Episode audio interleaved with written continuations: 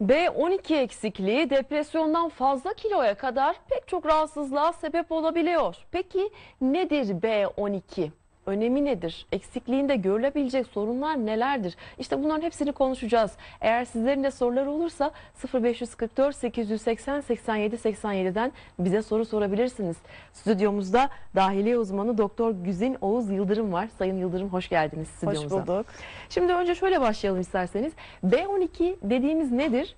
Bu bir vitamin şekli midir yoksa yiyeceklerden alabilir miyiz biz B12'yi? Şimdi B12 e, vitaminlerden bir tanesi. E, şimdi vitaminler zaten ana başlık altında iki gruba ayrılıyorlar. Yağda eriyen vitaminler ve suda eriyen vitaminler e, şeklinde. E, yağda eriyen vitaminler A vitamini, D vitamini, E vitamini, K vitamini olarak adlandırıyoruz. E, diğer suda eriyen vitaminlerse e, B grubu, B kompleks vitaminleri. E, bunlar yaklaşık 7-8 tane vitaminden oluşuyor. Bununla beraber bir de C vitamini mevcut. E, bunlar da suda eriyen yani e, günlük alımla beraber idrar yollarıyla gün içerisinde attığımız vitamin gruplarına giriyorlar.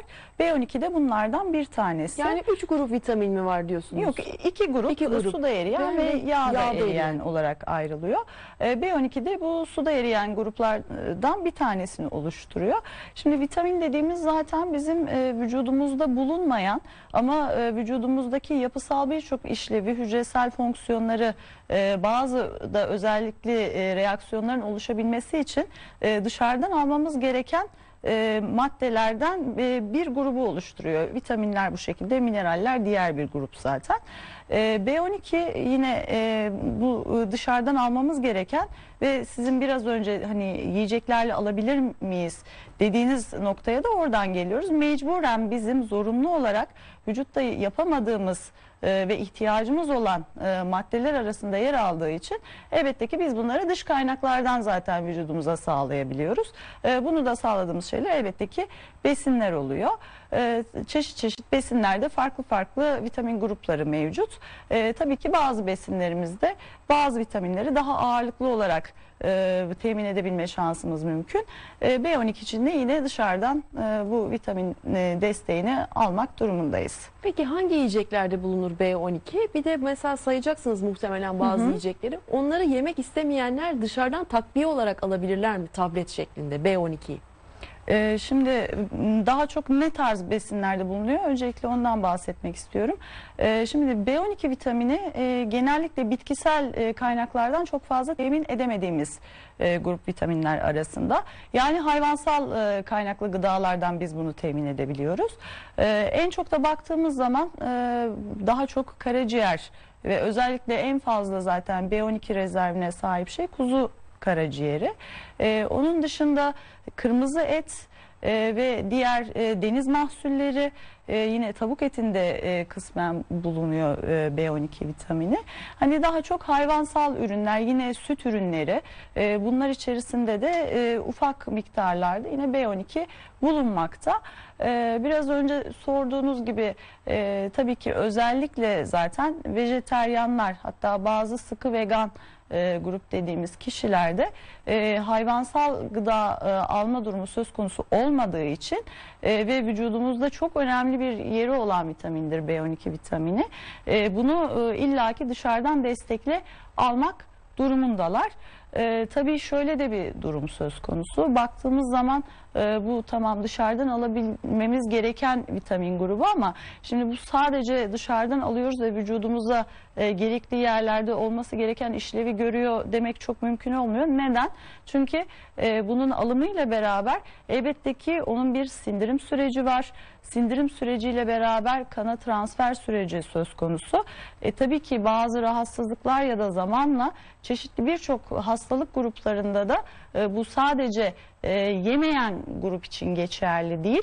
E, patolojik problemleri olan, hastalıkları olan insanlar için de ekstradan farklı farklı yollarda B12 takviyeleri almaları gerekmekte. Peki vücudumuz için önemi nedir B12'nin? Bir de B12 e, tavsiye etmediğiniz bir grup var mı? Örneğin bazı hastalıklara sahip insanlar. Yoksa hepimiz için B12 vazgeçilmez bir vitamin öğesi mi? Ee, B12 bizim için vazgeçilmez bir vitamin ögesi. Ne- neden? Ee, B12'nin vücudumuzda yaptığı çok önemli fonksiyonlar mevcut. Bunlardan en önemlisi zaten e, hücrelerimizin e, yapı taşı olan DNA, RNA, daha en küçük e, moleküllerin zaten e, yapılandırılması ve çoğalmasında, sentezinde e, vücudumuzun kullandığı bir e, faktör kendisi E, ve e, bunun için çok önemli. Onun haricinde e, kemik iliği hücrelerimizde özellikle kırmızı küre dediğimiz e, al yuvar olarak da yine ifade ettiğimiz hücrelerin e, yapılanmasında da yine oldukça büyük bir role sahip. Bunun yanı sıra zaten her şeyimizin merkezi ve kontrolünü sağlayan sinir sistemi, sinir hücrelerimiz için de oldukça önemli bir vitamin. O nedenle e, zaten hani bunu kesinlikle e, alınmasın e, demek gibi bir lüksümüz maalesef ki bulunmamakta. Peki eksikliğinde kişinin hayatında neler yaşanır? Kişi nasıl et- etkilenir? Şimdi genellikle e, şöyle ifade edeyim. E, 14 yaş üstü kişilerde günlük alınması gereken miktar ortalama e, 2.4 mikrogram gibi bir e, değere tekabül ediyor. E, onun dışında özellikle e, gebelerde bu 2.6 hatta emziren kadınlarda 2.8 mikrograma kadar günlük mutlaka vücudun alması gereken oranlarda. Bu oranları nasıl belirleyeceğiz? Mesela bir porsiyonla mı yoksa bu tabletle mi sadece oranı anlayabiliriz? Ee, aslında bu daha çok şöyle e, tabii ki de öncelikli olarak e, şunu değerlendirmek lazım kişi geldiğinde. Nelerle besleniyor e, ne tarz şikayetleri var onlara zaten birazdan değineceğim nelere sebep olduğuna dair.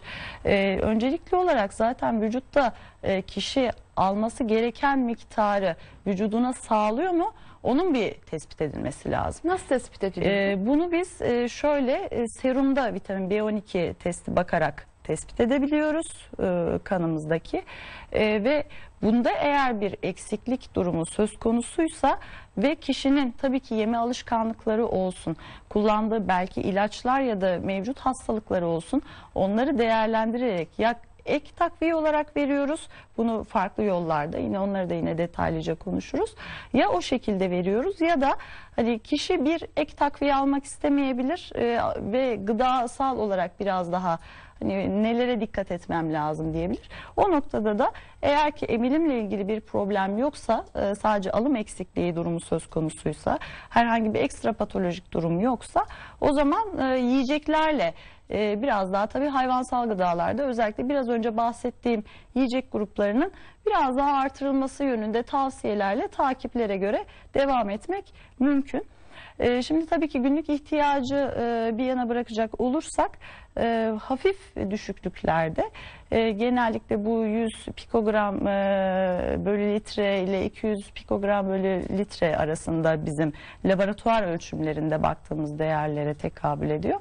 O noktalarda çok belirgin bariz e, kişi şikayetlere sahip olmayabiliyor. Yani kendini daha çok e, böyle hafif yorgun, halsiz hissedebiliyor.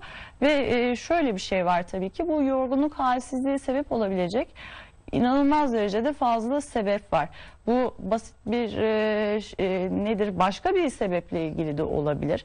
E, bir hava değişimine bağlı bir yorgunluk olabilir.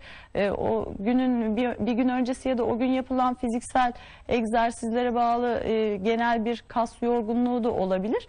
Genelde de kişiler bunu birazcık daha e, geçiştirip ya da önemsemeyip e, başka birçok sebebe bağlayabiliyorlar. E, ama tabii ki yorgunluk da yine B12'nin çok hafif düşüklüklerinde genel anlamda en çok görülen e, şikayet oluyor. E, tabii bu e, dediğim değerlerden 200 piko- pikogram bölü litrenin altına inmeye başladığı noktalarda biraz önce zaten bahsettiğim özellikle kırmızı hücrelerin yapımında çok e, büyük yeri olduğunu söylemiştim. Kendini neyle gösterebiliyor? Özellikle bunu biz tabii yine laboratuvar testlerinde de tespit edebiliyoruz. Anemi dediğimiz bir tabloyu ortaya çıkarıyor. Kansızlığa sebep oluyor. E, kansızlığın zaten e, şikayet bazında e, en sık gördüğümüz e, şikayetlerden bir tanesi zaten yorgunluk. Hani bunun yanı sıra aynı zamanda e, çarpıntı, e, ağız içi yaralar, e, üşüme, e, soğuk intoleransı gibi çeşitli durumlar ya da e, efor dediğimiz örnek veriyorum bir merdiven çıkarken öncesinde e, yorulmuyordum doktor hanım şimdi çıkarken yoruluyorum e, bir anda çarpıntı ve hatta o çarpıntıyla beraber kalbimde bir sızı hissi oluyor. Hatta bazen bazı hastalarımız da kardiyolojiye bu anlamda e, kalp ağrım var diyerek e, şikayet olarak gidebiliyor ama kardiyak bir sebep bulunmadığı zaman e, bu tarz durumları da tabii ki dikkate almak gerekiyor. Onun dışında tabii ki nö- e, nöroloji ve nörolojik sistemimizle alakalı çok büyük bir yeri olduğundan bahsetmiştim. E, tabii ki e, bu noktada da hem beyin hem de e, beyinle bağlantılı olarak tüm sinir hücrelerimizde çeşitli deformasyonlara sebep oluyor. Ne gibi? E, parmak uçlarımız e, da özellikle ayak ve ellerde hatta bu ilerlediği dönemlerde biz bunu eldiven çorap tarzı uyuşukluklar olarak e, tanımlıyoruz. E, onun dışında e, bölgesel olarak bazı yerlerde yine vücudumuzun yanma, uyuşma, karıncalanma e, ya da soğukluk hissi ya da aşırı sıcaklık hissi gibi e, olması gerekenin dışında e, hissiyatlara yani duyu kaybı, duyu deformasyonlarına sebep olabiliyor. Bunun dışında tabii ki de sinir sisteminden bahsettiğimiz için motor sistemle alakalı da bazı problemler olabiliyor. Bu kaslardaki koordinasyonu bozabildiği için e, yürümeyle ilgili sorunlar söz konusu olabiliyor. Denge sistemini etkileyebildiği için dengesizlikle kendini gösterebiliyor. E, onun dışında e, bazı hastalar e, işte hafıza kaybı ya da hatta yaşlı kesimlerde bazen bu Alzheimer dediğimiz ya da bunama dediğimiz hastalıklarla karışabiliyor ama sebep B12 eksikliği olabiliyor. Unutkanlığa sebep olabiliyor. Baş dönmesine sebep olabiliyor. Konsantrasyon bozukluğuna sebep olabiliyor. Ee, bu tarz e, ciddi sorunlarla da yine karşı karşıya kalabiliyoruz. Ee, genellikle bu şekilde e, çok e, ciddi ve bizim için önemli bir vitamin olmasından dolayı ve e, bunu kullanan sistemlerimizin çok e, hayati sistemler olmasından dolayı elbette ki birçok merkez e, bu konuda oldukça etkilenebiliyor. Sindirim sistemi problemlerine de yine sebep olma ihtimali mümkün. Neden? Sonuçta e, tabii ki de bizim e, iç organlarımızın da e, ana kontrolünden sorumlu şeyler sinir hücreleri. Onlarda deformasyon olduğu zaman hani çok basit e, belki acaba o mudur bu mudur diye bakarken e, fark ettiğimiz bu çok basit bir B12 vitamin eksikliğine bağlı sindirimsel sorunlarla bile karşı karşıya kalabiliyoruz. Peki çok önemli. Devam edeceğiz. Sizi sokağa davet ediyorum Sayın Yıldırım. Sizler için sokağa çıktık. Bakalım ne sormuşlar size. Siz soracaksınız, biz kulak vereceğiz. Sabah yorgunluğunu B12 hapı alarak geçirebilir miyim? Tabii sabah yorgunluğu hemen hemen her kadının değil mi çektiği bir problem. Evet. İşte e, ben de zaten biraz önce bahsettim. Şimdi sabah yorgunluğu ama yorgunluk o kadar çok sebebe bağlı ki. Şimdi e, yorgunluk e, varsa B12 vitamini alın demek çok e, doğru bir yaklaşım olmaz. Çünkü esasında bu yorgunluğa sebep olan faktör e, nedir? Onu çok iyi bir şekilde irdeleyip tespit etmek lazım. E, ruhsal hastalıklara bağlı mıdır? Yoksa e, vücuttaki bir eksiklik, bir sıkıntıya mı bağlıdır? Yoksa e, vücudumuzu ekstra fazladan yorduğumuz için e, ertesi güne yansıyan bir yorgunluk durumu mu? Yoksa yani vücudumuzda herhangi bir problem yok mu? Öncelikle ona bakmak lazım.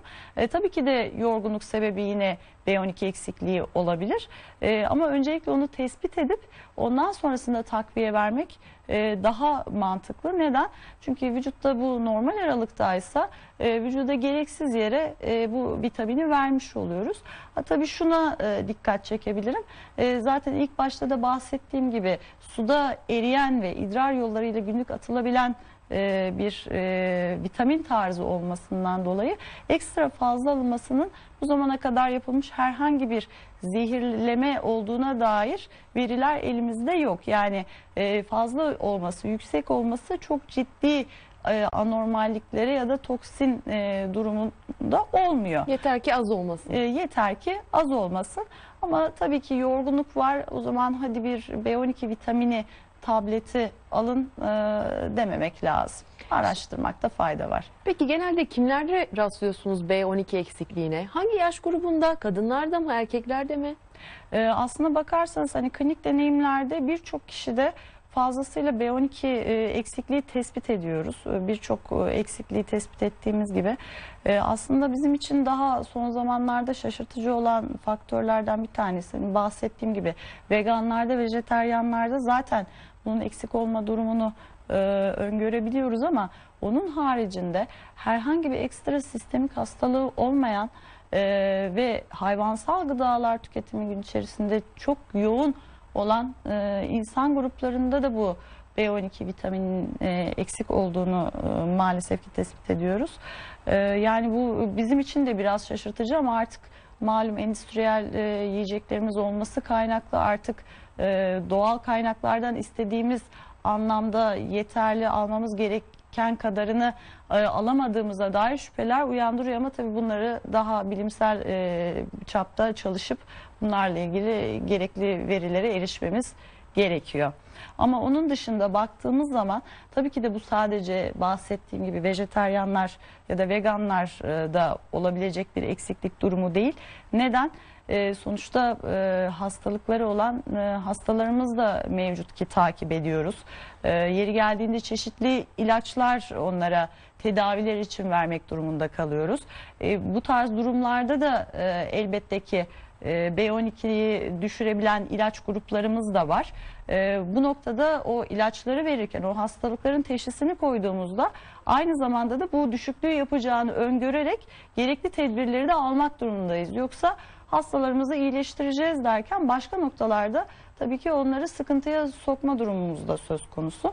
Ya da onun dışında baktığımız zaman e, daha artık revaçta olan e, ameliyatlardan bir tanesi e, mide bypass ameliyatları e, ya da onun dışında sindirim sisteminde herhangi bir e, hastalıktan kaynaklı zorunlu olarak yapılması gereken hani kanser gibi bir durumda ya da bir e, bağırsak düğümlenmesi vesaire durumlarında e, bir operasyon e, gerektiğinde sindirim sistemine onlardan sonrasında da tabii ki emilimlerle ilgili sorunlar olabiliyor. Şimdi zaten bu noktada birazcık da şu e, önemli. E, B12'yi biz alıyoruz. Evet. E, bu B12 vücudumuzda kana karışmadan önce çeşitli vücutta işlemlerden geçiyor aslında sindirim sisteminde. Her sağlıklı insanda bu işlemlerden geçer mi? Her sağlıklı insanda bu işlemlerden geçmek zorunda. Ee, Bunlardan ilki zaten midede başlıyor. Midenin enzimi ve e, asit miktarı ile beraber orada bir reaksiyona giriyor. Oradaki bazı faktörlerle beraber de e, yolculuğunu tamamlayıp bu terminal ileum dediğimiz e, ince bağırsağın son kısmından emilen bir vitamin. Tabii ki bu noktalarda herhangi bir e, pasajda reaksiyonlar sırasında bunu olumsuz etkileyecek hiçbir problemin olmaması lazım. Bu bariyatrik cerrahilerde bu zaten e, belli pasajlar ortadan kaldırıldığı için tabii ki de e, istenilen randımanda emilim sağlanma durumu söz konusu olmuyor. Ne zaman sağlanamaz peki? Ee, ne zaman sağlanamaz? Yani mesela bu dediğim tarz durumlarda e, belli pasajlar e, ortadan kaldırıldığı için e, tam randımanlı reaksiyonlara girip de kana emilme durumu söz konusu olmayabiliyor. Ya da en basiti genelde toplumda çok sık gördüğümüz mide e, problemleri, mide şikayetleriyle bir e, bu gastrit ya da hatta e, gastriti daha çok yine sebep olan helikobakter dediğimiz mikrop olma durumunda e, tabii ki de e, midenin o e, gerekli reaksiyonları yapma e, imkanını ortadan kaldırdığı için e, haliyle tabii ki istediğimiz kadar B12 emme şansı olmuyor. Ve e, diyelim bize bir e, hastamız başvurdu ve mide şikayetleri var. E, biz hastalarımıza bu antiasit dediğimiz tarzda çiğneme tabletleri daha çok hani e, piyasada o tarz şeyler e, hani kullandığımız ürünler arasında. Hani onları verdiğimiz zaman asiditeyi baskıladığımız için hastanın mevcut şikayetinden e, bu tabii ki B12'nin e, oradaki reaksiyonu gerçekleştirememesi ve e, en son ince bağırsağın son kısmına geldiğinde e, olması gereken hazır e, ve emilecek e, hale gelemediği için daha en baştan zaten e, bir e, ket vurulmuş, bir bloklanmış oluyor. Ya da e, mide ilacı olarak sabah aç karnına kullandığımız ilaç gruplarında yine aynı şekilde insan yeteri kadar hayvansal gıdayı vücuduna temin etse bile mide olması gereken işlevi yine bu sebepten dolayı göremediği için yine eksiklik olabiliyor. Bunun dışında hani bu genel daha toplumda gördüğümüz şeylerin haricinde e, otoimmün dediğimiz sindirim sisteminin özel hastalıkları mevcut. E, mesela daha çok işte gluten e, sensitivitesi olarak e, ve bunu biz terminolojik olarak çölyak diye yine toplum tarafından kısmen bilini- biliniyor zaten isim olarak. Çölyak tarzı hastalıklarda yine ince bağırsaklarda bir deformasyon olduğu için savunma hücrelerinin e, yarattığı ve bu da tabii ki de o pasajda bir sorun ve emilim bozukluğuna elbette ki sebep oluyor. Onun dışında yine kalın bağırsakların ve hatta bunlar e, aynı zamanda ince bağırsaklarda da görebildiğimiz hastalıklar. Crohn özellikle e, daha çok e, kalın bağırsak tutulumuyla beraber ince bağırsakta da tutulum yapabilen e, ve yaralara sebep olan e, genelde de bunu zımba tarzı atlaya atlaya yapan ve deformasyonlar, kanamalı e, ishallerle gidebilen ya da tıkanma ya da kabızlık tarzı şikayetleri olan ama genelde bu özel hastalıkları olduğu için hani biz bunları tespit ettiğimizde hastalar genelde hastalıklarını biliyorlar. Hani biz de onlara elimizden geldiğince çok sık görülen bir şey olmadığı için gerekli bilgilendirmeler ve tedaviler takviyelerle gidiyoruz. Hem onlar emilimi bozuyor Ayrıca biz bunların tedavisinde yine mecburen zorunlu olarak kullanmamız gereken bazı ilaçlar var. Bu ilaçlar da maalesef ki e, yine B kompleks e, vitaminlerin emilimini oldukça bozmakta ki B12 de yine bunlara dahil. Aynı zamanda bu ince bağırsağın son bölgesini çok sık tutma eğiliminde olduğu için bunu yine aynı zamanda çok fazla görebiliyoruz. Ee, onun haricinde yine romatizmal hastalık gruplarımız var. Çeşit çeşit çok farklı farklı, e, çok farklı isimleri var. Çok farklı karakterleri var vücutta yaptıkları sistemik hasarlarla beraber. Onlardan özellikle ülkemizde çok görülen e, ve hatta e, Doktor Hulusi Behçet'in zaten çalışmalarıyla tüm dünyaya kazandırmış olduğu Behçet hastalığı dediğimiz romatizmal hastalık için onu baskılamaya yönelik kullandığımız ilaçlar da maalesef ki e, ince bağırsaklarda bu son kısmında B12 emilimini bozan e, yan etkilere maalesef ki sahip. Onu bir yana bırakırsak e, yine toplumumuzda artık giderek maalesef çok sık görülüyor. Neden? E, artık obezite giderek artıyor ülkemizde. Metabolik sendrom maalesef ki artıyor. Tabii ki bunun bir komponenti de e, insülin direnci ve diyabet durumu. E, ki insülin direncinde de yine ilaç başlıyoruz ve yine diyabette de aynı şekilde. Diyabetin bir numaralı ilacı yine e, B12 vitaminini maalesef ki düşürme, bozma ve emilimi e, bloke etme özelliğine sahip. Burada bir virgül koyacağız Sayın Yıldırım. Kimler risk altında ve nasıl tedavi ediliyor bunları da konuşacağız. Hiçbir yere ayrılmayın.